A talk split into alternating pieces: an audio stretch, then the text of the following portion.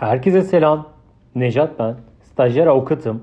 Bu kanalda moda, hukuk ve iş dünyasına dair tüm konuları alanında uzman kişilerle konuşuyoruz. Bazı bölümlerimizde ise arkadaşlarımızla gerçekleştirdiğimiz popüler haberler, filmler ve kitaplar hakkındaki sohbetlerimizi sizlere aktarıyoruz. Keyifli dinlemeler.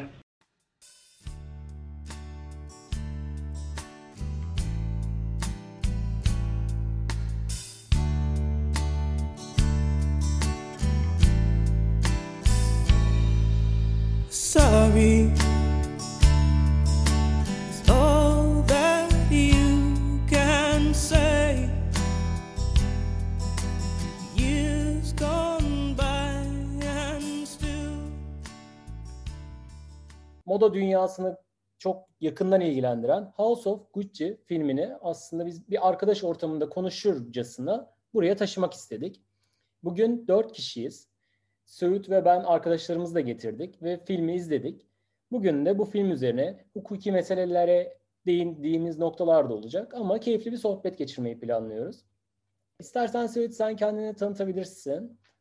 Tabii. E, ismim Söğüt. Bilkent Üniversitesi'nde son sınıf öğrencisiyim. Hukuk bölümünde tabii.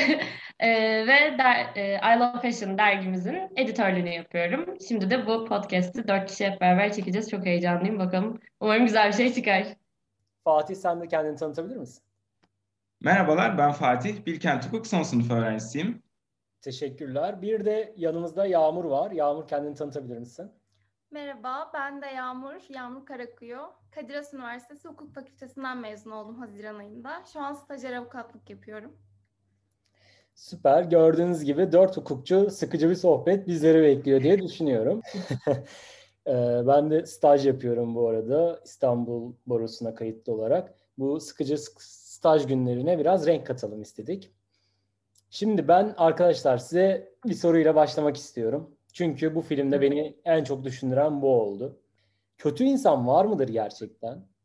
Yoksa günün şartları, insanların hayatına giren insanlar, çıkan fırsatlar, ekonomik zorlukları, ekonomik fırsatları insanları kötü mü yapar? Veya insanların bu yöndeki tercihleri insana kötü sıfatını ekler mi? Ben bunu çok kendimce sorguladım. Sizin de fikrinizi merak ediyorum. Ee, böyle çok eskilerden olacak ama hani Disney filmlerinden beri dikkatimi çeken, sorguladığım bir şey. Mesela Pamuk Prenses ve Yedi Cüceler'deki o kötü cadı aslında gerçekten kötü mü, kötü olmaya sürüklenmiş bir karakter mi gibi. Ee, bu dediğin şey benim de çok sorguladığım e, bir konu.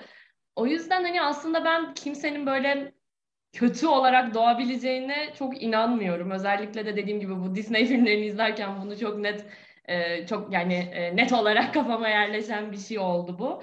E, ama yani tabii ki iyi ve kötü insan ayrımının hani doğuştan değil ama insanın hayatında karşısına çıkanlara verdiği tepkilerle e, ortaya çıktığını düşünüyorum. E, ya da işte durumlara karşı gösterdiği belki direniş olabilir, belki işte reddetmek olabilir veya işte kabul edip yenik düşmek halinde de belki kötü olarak tanımlıyor olabiliriz o kişileri. Sen ne düşünüyorsun Fatih? Ya benim aklıma nedense rekabet hukuku dersleri aklıma geldi.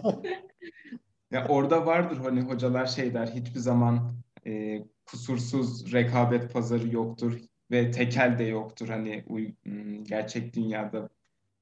Hani her zaman bir arasıdır onun. Yaklaşabilir rekabete ya da tekele yaklaşabilir diye. Hani iyi kötü de öyle bir şey bence. Hani beyaz, siyahtan ziyade gri ve tonları bence.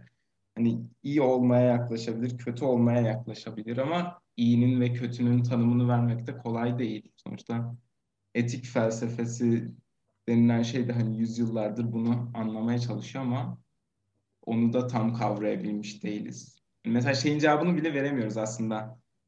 Ee, bir şey her zaman mutlak iyi ve mutlak kötü diye bir şey var mı aslında? Kant'ın e, absolute şeyine geliyor teorisine. Yani mutlak adalet teorisi gibi. Hani bir şey her zaman doğru mudur gibi. Yani yoksa daha çok göreceli midir? bir kişi bence zamanla da ilgili düşünmek lazım. Hani iyi kötü insan, iyi insan kötü insan. Hani o zaman iyi olabilir. Belki zamanla kötüleşebilir ya da tam tersi hayatın bir yerinde kötü bir insan olarak nitelendirilebilirken sonradan iyi olabilir. Bence yani bir cevap vermek çok zor bu soruya ya. Sen ne düşünüyorsun Yağmur? Yağmur sen ne düşünüyorsun? Evet. Bence kesinlikle içinde büyüdüğü aile, yetiştiği çevre, eğitim insanın iyi ya da kötü olup olmasını etkiliyor. Hatta işte yani şöyle bir araştırma vardır ya, katillerin çocukları katil mi olurlar, suçlu mu olurlar? Yani tamamen bence çevresel etmenlerle birlikte bu şekilleniyor hayatımızda. İyi ya da kötü olmamız. Dediğin gibi Fatih yani değişebilir. İnsanlar kötü olabilirler ama sonra iyi insan olabilirler. Bence tamamen etkisel bir şey yani. Ben şimdi burada şöyle bir ikileme de hep maruz kaldım hayatımda. Mesela dinleri düşündüğüm zaman veya herhangi bir etik kuralı iyi ve kötü kavramı her inanışa, her döneme göre değişiyor.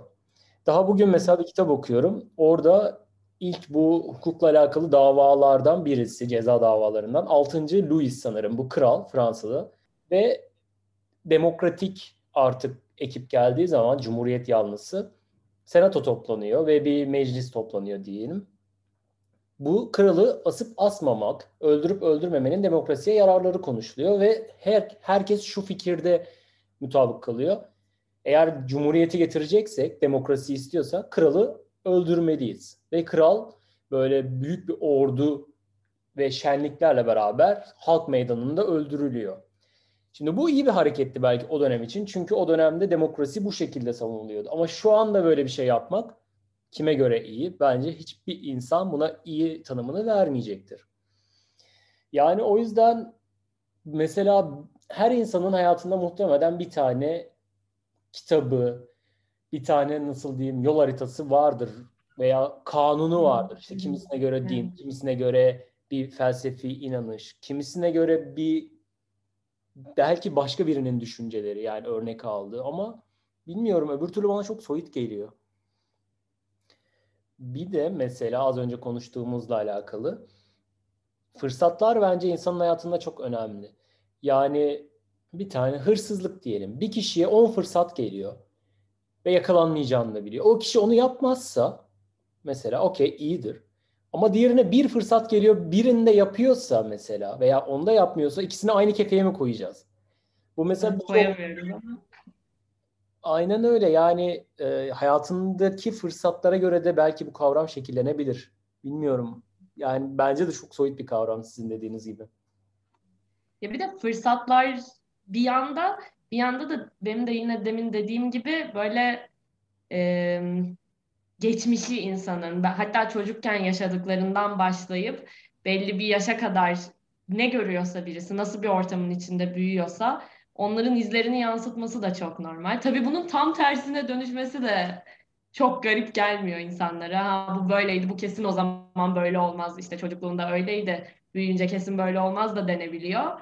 Bir yandan ama zaten böyle bir ortamda büyüdü. Ee, yani bu ortamın tam tersi biri olmasını bekleyemeyiz de deniyor. Yani insanların kişiler hakkındaki yorumları da çok e, değişken olduğu için herhangi bir kesin bir görüş işte mutlak iyi mutlak kötü o yüzden diyemiyoruz.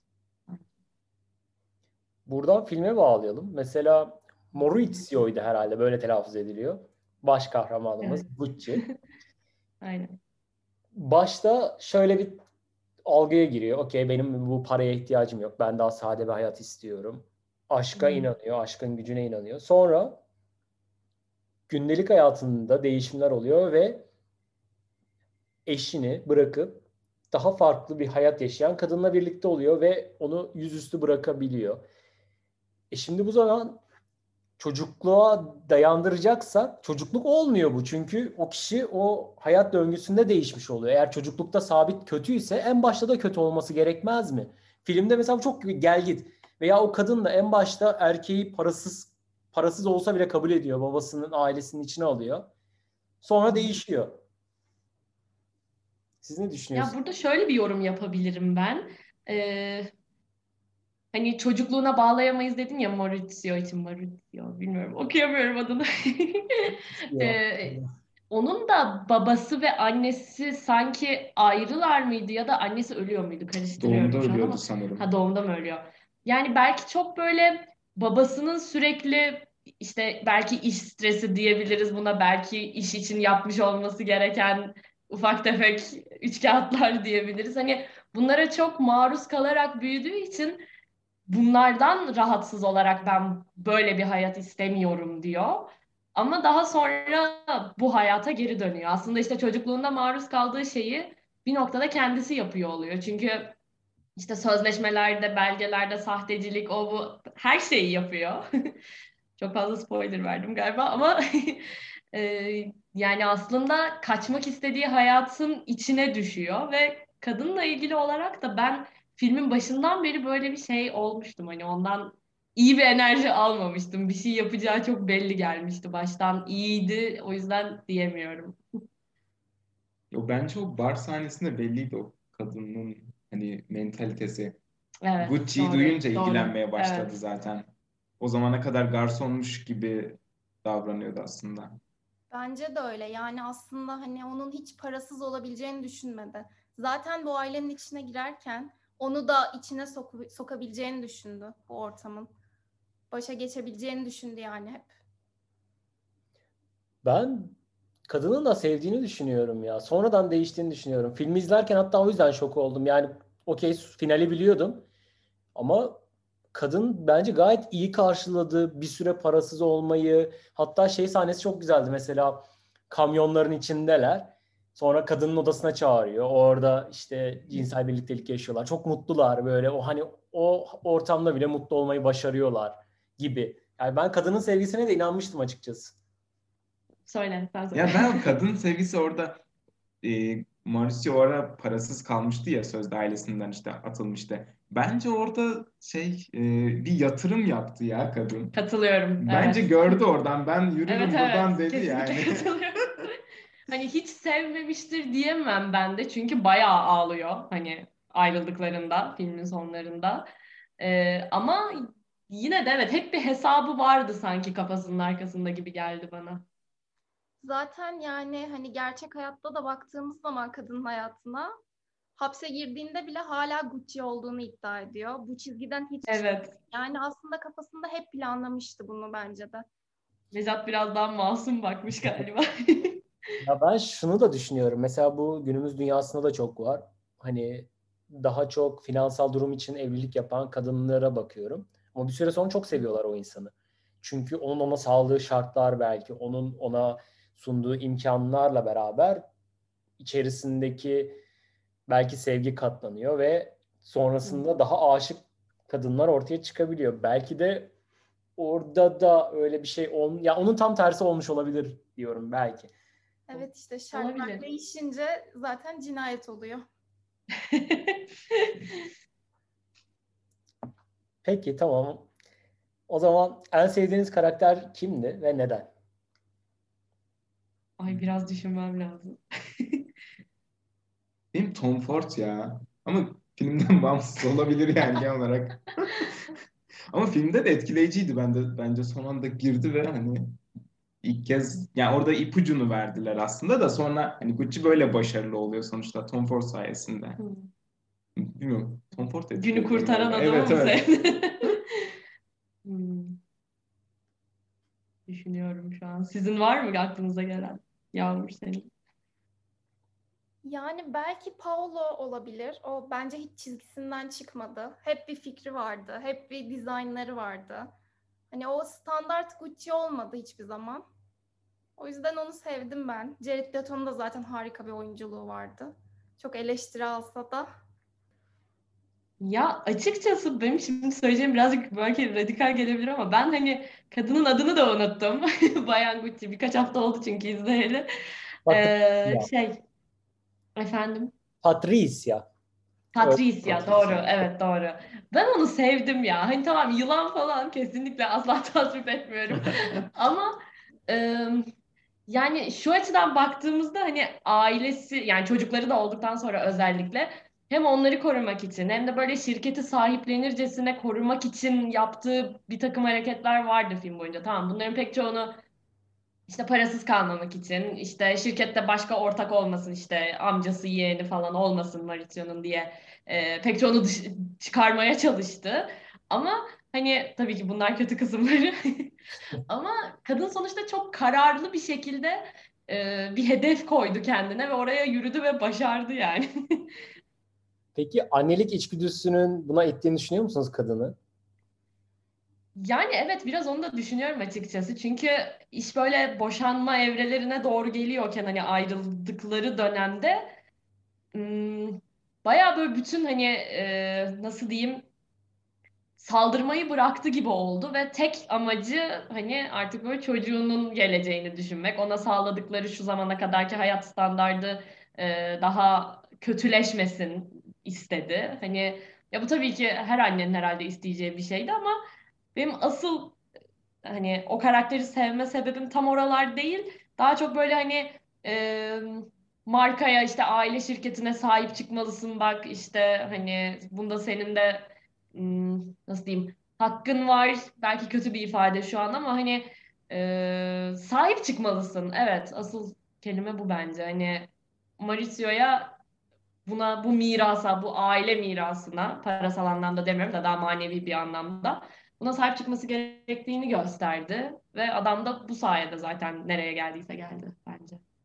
Ve erkek egemen bir şirkette yaptı bunu yani. Kadının Evet bak o da çok doğru. Bu evrimsel sürece bile dayanıyor. Yani kadının mesela eş seçerkenki davranışları işte ona e, yani yine o belki annelik olarak ileride yavrusuna o konfor alanını sağlayabilecek veya onu eğitimsel olarak destekleyebilecek sağlıklı yani bir birey seçme arayışı. Belki kadın en başında yine aynı şeye geliyoruz. Belki kadın da kötü değil. Belki o da e, uygun bir baba adayı seçti bilmiyorum. Olabilir. Senin en sevdiğin karakter hangisiydi? Ya ben sanırım Oldo Gucci bu amca olan. Çünkü Hmm. yani o da çizgisi vardı ve mantıklı kararlar alabiliyordu. Yani kendi çocuğunu bile bi- biliyor, tanıyor. Onu seviyor. Ona rağmen hani o çocuğunun o salaklığına rağmen seviyor. Sen benim oğlumsun diyor. Ee, ama şunu da biliyor. Onu mesela şirketin başına geçirmeyeceğini, geçirmemesi gerektiğini. Aksine e, Maurizio'yu aynen geçirmesi gerektiğini biliyor. Böyle hem duygusal olarak bir hayat yaşıyor hem de gerektiğinde bence mantıklı kararlar alabiliyor diye düşünüyorum. Evet bak o açıdan bence Patricia ile de zaten birbirlerine benziyorlar. Sadece birinin gözünü daha çok böyle hırs bürüyor bir nokta bir noktadan sonra. Diğeri daha ailevi bağlara sadık kaldığı için daha silikleşiyor. Çocuğuna tutumu da çok güzeldi bence. Yani çocuğu bütün hisselerini satıyor. Ona rağmen kızmıyor. Sen benim oğlumsun diyor yani. Evet. Peki ise şu soruyu sormak istiyorum. Ama samimiyetinizle cevap verin. Gucci firmasını kurmak ister miydiniz? Veya bu ailenin içerisinde bir birisi olmak ister miydiniz? Veya böyle bir aileniz olsun, böyle bir firma sahibi olalım ister miydiniz? Ve şunu da hesaba katın. Yani şu anda mesela Gucci şirketinde ki hala bir dev moda şirketi 1921'den beri ama kimse yok bu aileden. Kimse yok evet. Bunları da hesaba katıyoruz ve Gucci de öldürülüyor yani bu arada değil mi? Bunlar da var hep. Hikaye Ama aynı. hayatta yaşıyorsunuz. Yani aile bağlarıyla belki de ekonomik olarak şeyleri kıyaslamak gerekiyor işte. Hangisini tercih ederdiniz? Başlamak isteyen var mı? Ben başlayabilirim sanırım. Ya ben istemezdim böyle bir hayat çünkü sürekli diken üstündesin ve sürekli bir sonraki adımını düşünmek zorundasın. Hayatta en çok güvendiğin insan ailen ama ona bile güvenemiyorsun. İşte kendi kuzenlerine, kendi amcasını hapse göndermiş bir insandan bahsediyoruz. Çok zor bence böyle yaşamak. Evet paran var ama huzurlu değilsin sonuçta. Eve döndüğün zaman o parayla yapabileceğin bir sürü şey var ama huzurun yok. Bilmiyorum ben istemezdim böyle bir hayat. Succession dizisinde de mesela hep böyle parayla aile bağlarının çatışmasını gösteriyorlar. Tavsiye ederim buradan herkese. Evet onu bir izleyeceğim ya. Çok duyuyorum. Evet sen bir şey diyordun. Ben şey diyecektim. Ya sonuçta Gucci ailesinde olmak demek hani 1921'de kuruluyor dedin ya. E, geçmişte yaşamam demek. Aslında ben o açıdan baktım. Ben hiçbir geçmişte yaşamak istemem ya. Mümkün olduğu kadar şöyle bir 2040 60 şöyle bir oralarda doğmak bilmiyorum. Gelecek daha tatlı geliyor bana. Ben eskide yaşamayı tercih yani tercih etmek değil de isteyebilirim belki böyle düşünebilirim ama belki o da tabii 1700'ler falan olabilir Ya bilmiyorum. ama çok ab- ama şeyi düşünmüyorsun mesela tıbbın seviyesini, bilimin seviyesini, refah hani Evet düşünmüyorum. Evet doğru. Ya ben de böyle bir ailenin içinde zaten olmak çok istemez yani çok değil istemezdim. Çünkü yani Yağmur'un da dediği gibi gerçekten hani en güveneceğin insanlar ama aslında en güvenmemen gereken insanlar. Ee, ama yine de illaki bir karakter olmam gerekirse çünkü kimse buna cevap vermedi. Ben cevap vereceğim. Ben yine orada sanırım Patricia'yı seçerdim. Hani en sonunda tamam hapse giriyor falan. Oraları gerçekten çok kötü. Ama e, sonuçta başta o aileyi bir araya getiriyor. Ve belki o noktada da durması gerekiyordu ama dediğim gibi gözünü hırs bürüyor ya o yüzden duramıyor. Ama aileyi bir araya getiriyor, bazı şeyleri toparlıyor. Ben O açıdan bence. Bir araya getiriyor derken zaten ilk başta ayıran biri varsa yine Patricia ile ilişkisiydi Mauricio'nun. Yani hiç olmasa zaten aslında ama orada babanın canavarlığıydı o bence. Baba ya biraz katıydı tamam kabul ediyorum ama niyeti iyiydi bence ve belki de kızın kötülüğünü gördü en baştan Aynen. bilmiyorum. Ya çok bu kadar ben ilişkilerde afaki farkları da destekleyen bir insan değilim. Tabii ki e, sosyal olarak farklar olabilir vesaire ama bu kadar uçurumun çok sağlıklı olduğunu düşünmüyorum. Ya bunun böyle e, birini aşağılamak veya birini yüceltmekten ziyade bu da bir oyun yani bu da bir kural gibi aslında dünyada işleyen. Bilmiyorum belki babası o açıdan da mantıklı bakmış olabilir. Ama tabii kad- kadının orada kötülüğünü görüyor. Ya ben filmde de bir şey hep merak ediyordum. İlk sahnede miydi? En başlarda kadın e, işte kamyonların olduğu şantiye diyeyim. Oraya gelirken kırmızı bir arabayla geliyordu. Hı hı. O araba Ferrari değil miydi ya? Bu kadın ailesi zengin değil mi aslında? Ya evet ben de bir Üstü süre en açık bir azından Ferrari gördüm diye hatırlıyorum evet ya. hani çok kötü durumda değiller en azından diye düşünüyordum. Hani durumları iyi. Tamam bir Gucci değiller tabii ki ama e, çok kötü değillerdi bence de. Ya büyük bir sıkıntı Mauricio'nun babası için biraz hani ekonomikten ziyade sosyoekonomik değil mi? Sanki. Çünkü şey diyordu kamyon mu falan yapıyordu böyle. Evet, Hani evet. işini kamyon olmasından dolayı biraz eziyordu gibi Evet. şey soruyordu sanırım. Nerede eğitim aldın? Veya ne tarz kitaplar okuyorsun? Veya ne tarz filmler izliyorsun mu? Öyle bir soru soruyordu. Aynen öyle bir şeyler soru soruyordum. soruyordu. Evet yani sadece paradan değil aslında babası biraz kızı tanımaya çalıştı aslında. Ya evet orada da hak vermek gerekiyor. Şimdi çünkü adam bir hani moda dünyasında bir dev ve hani kültürel olarak da biraz birikimli birini görmek istiyor oğlunun yanında Hmm. gelin olarak hani. Onu göremediği için bence çok da hani bu kadın kötü diye değil de hani biraz e, yani ya- eski kafayla belki böyle yakıştıramıyor diyebiliriz. Yakıştıramadığı için öyle bir tavır koydu. Var mı başka ekleyeceğiniz filmle alakalı? Benim şey olabilir, iki tane sahne vardı böyle çok hani hoşuma giderek izlediğim Fatih'in de bana böyle bak bak falan yaptığı. Bir tanesi bu e, evdeki ço- em, çocuğa bakan biri vardı ve o kişinin çantası Gucci'ydi ama aslında taklitti. Hı hı. Sonra o e, işte bütün işte taklit pazarını basıyorlardı polisler böyle toplatıp çantaları getiriyorlardı şirkete falan. Orası çok e, böyle ne bileyim güzel bir sahneydi. Bir de ikincisi de Paolo'nun defilesini polislerin basıp apar topar herkesi gönderip kapatmalarıydı. Böyle işte hani Gucci'nin kendisi şey göndermiş hatta bir ihbarda bulunmuş Hmm. falan. Çok güzeldi o iki sahne. Season dizisleri diyorsun galiba değil mi? Evet. Bir aslında bir mesaj da var. Topluyorlar o çantaları ama onları imha edilmemesi gerektiğini söylüyor o amca. Hani bir Evet. sürü yazınız vardı hatta bununla alakalı. İki markanın birbirine neden işte dava açmadığı, neden bu tip işte Evet. pazarlama stratejisi o yıllarda bile belki bu şekildeydi. Yani Evet. ne kadar çok insana ulaşırsa marka belki de o kadar iyi gözüyle bakıyorlar. Sonuçta reklamın iyisi kötüsü Aynen. Şey diyordu hatta yine e, amcası hani insanlar bizi takmak istiyor, bizim ürünlerimizi kullanmak istiyor diye niye buna engel olalım? Hani karşılayamıyorlar bizim ürettiklerimizi ama bari işte hani taklitlerini de kullanarak bizim bir manevi bağ- yani pardon toparlayamadım. E, bizim bir parçamız olabilsinler bu yolla demişti. Böyle bir şeyler söylemişti. Çok o da dikkat çekiciydi. Aynen şöyle diyordu. Yani çantanın üzerinde sonuçta Gucci amblemi var. Bizim amblemimiz var yani. Aha, aynen evet. Ben şeyi söyleyebilirim. Hı. Ee, biliyor musunuz bilmiyorum ama aslında Tom Ford'u görmedik sayıları. Tom Ford da bir yönetmen aslında. İki tane filmi var. Ve bayağı da başarılı filmler. İzlediniz mi bilmiyorum. Ben. İzlemediyseniz bir önerebilirim. Biri A Single Man'di. Diğerinin adına bakmam gerekiyor. Bak bakalım.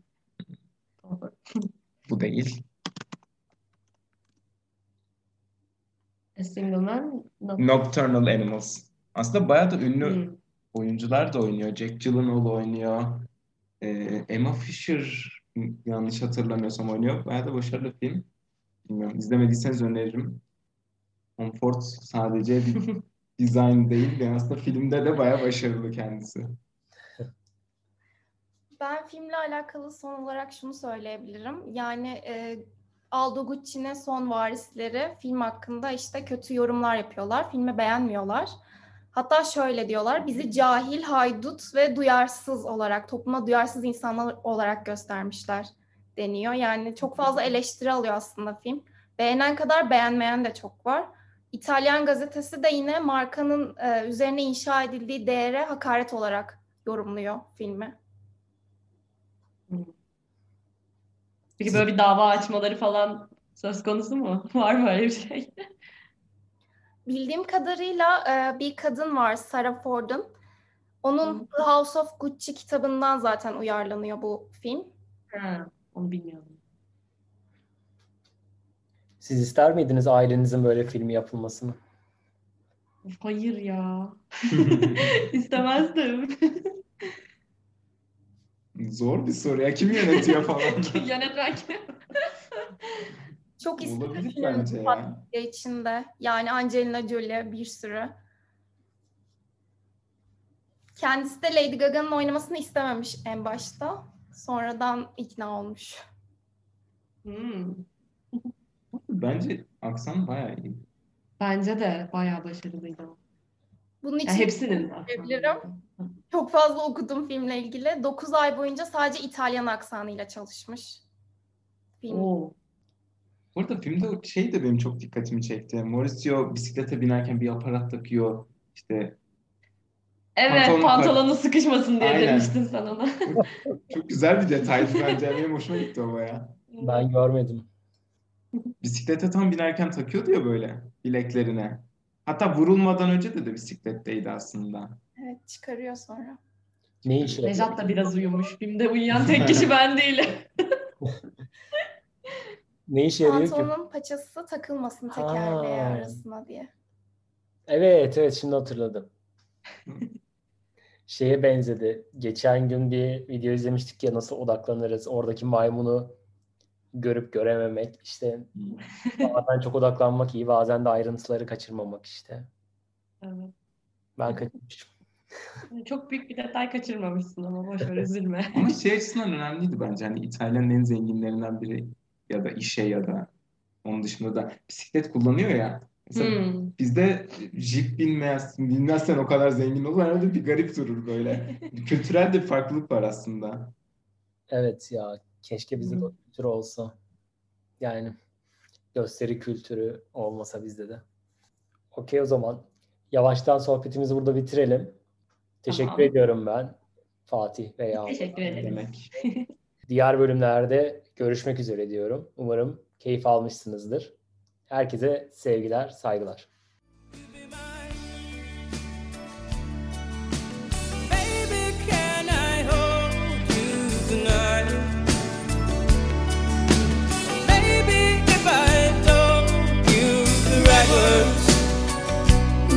at the right time. You be mine.